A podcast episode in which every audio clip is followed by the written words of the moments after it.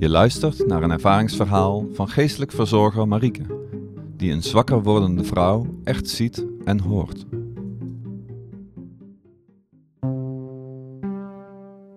Ik kom elke week bij mevrouw op kamer 3. Een vrolijke vrouw, weet goed wat ze wil, heeft graag de touwtjes in handen. Deze keer zie ik dat het anders is. Marieke, het gaat niet vandaag. Ik heb nog niet eens gegeten en ik lust ook niks. En als ik uit bed wil, ik moet bij alles geholpen worden. Dat kleine stukje naar de wc lukt me nog niet eens. En slapen, drama. Ik weet niet hoe het verder moet, zegt ze. Ik wou maar dat het allemaal klaar en over was. Zelfs als er bezoek komt, dan denk ik: ga maar weer. Ik ben moe. Ik zeg tegen haar: Hoe is het nu om verder te gaan voor u? Wat kan u kracht geven? Klassieke muziek.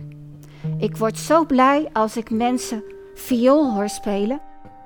Dan lijkt het net alsof ik een beetje opgetild word.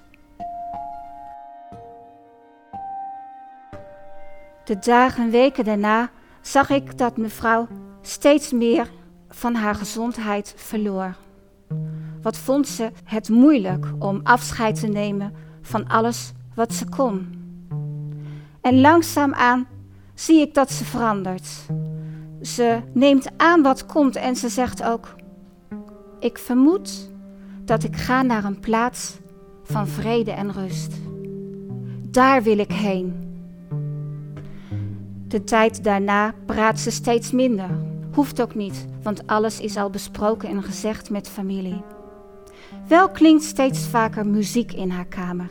Vioolmuziek van Vivaldi. De vier jaargetijden van zomer, herfst, winter en weer naar lente. Mooi is dat.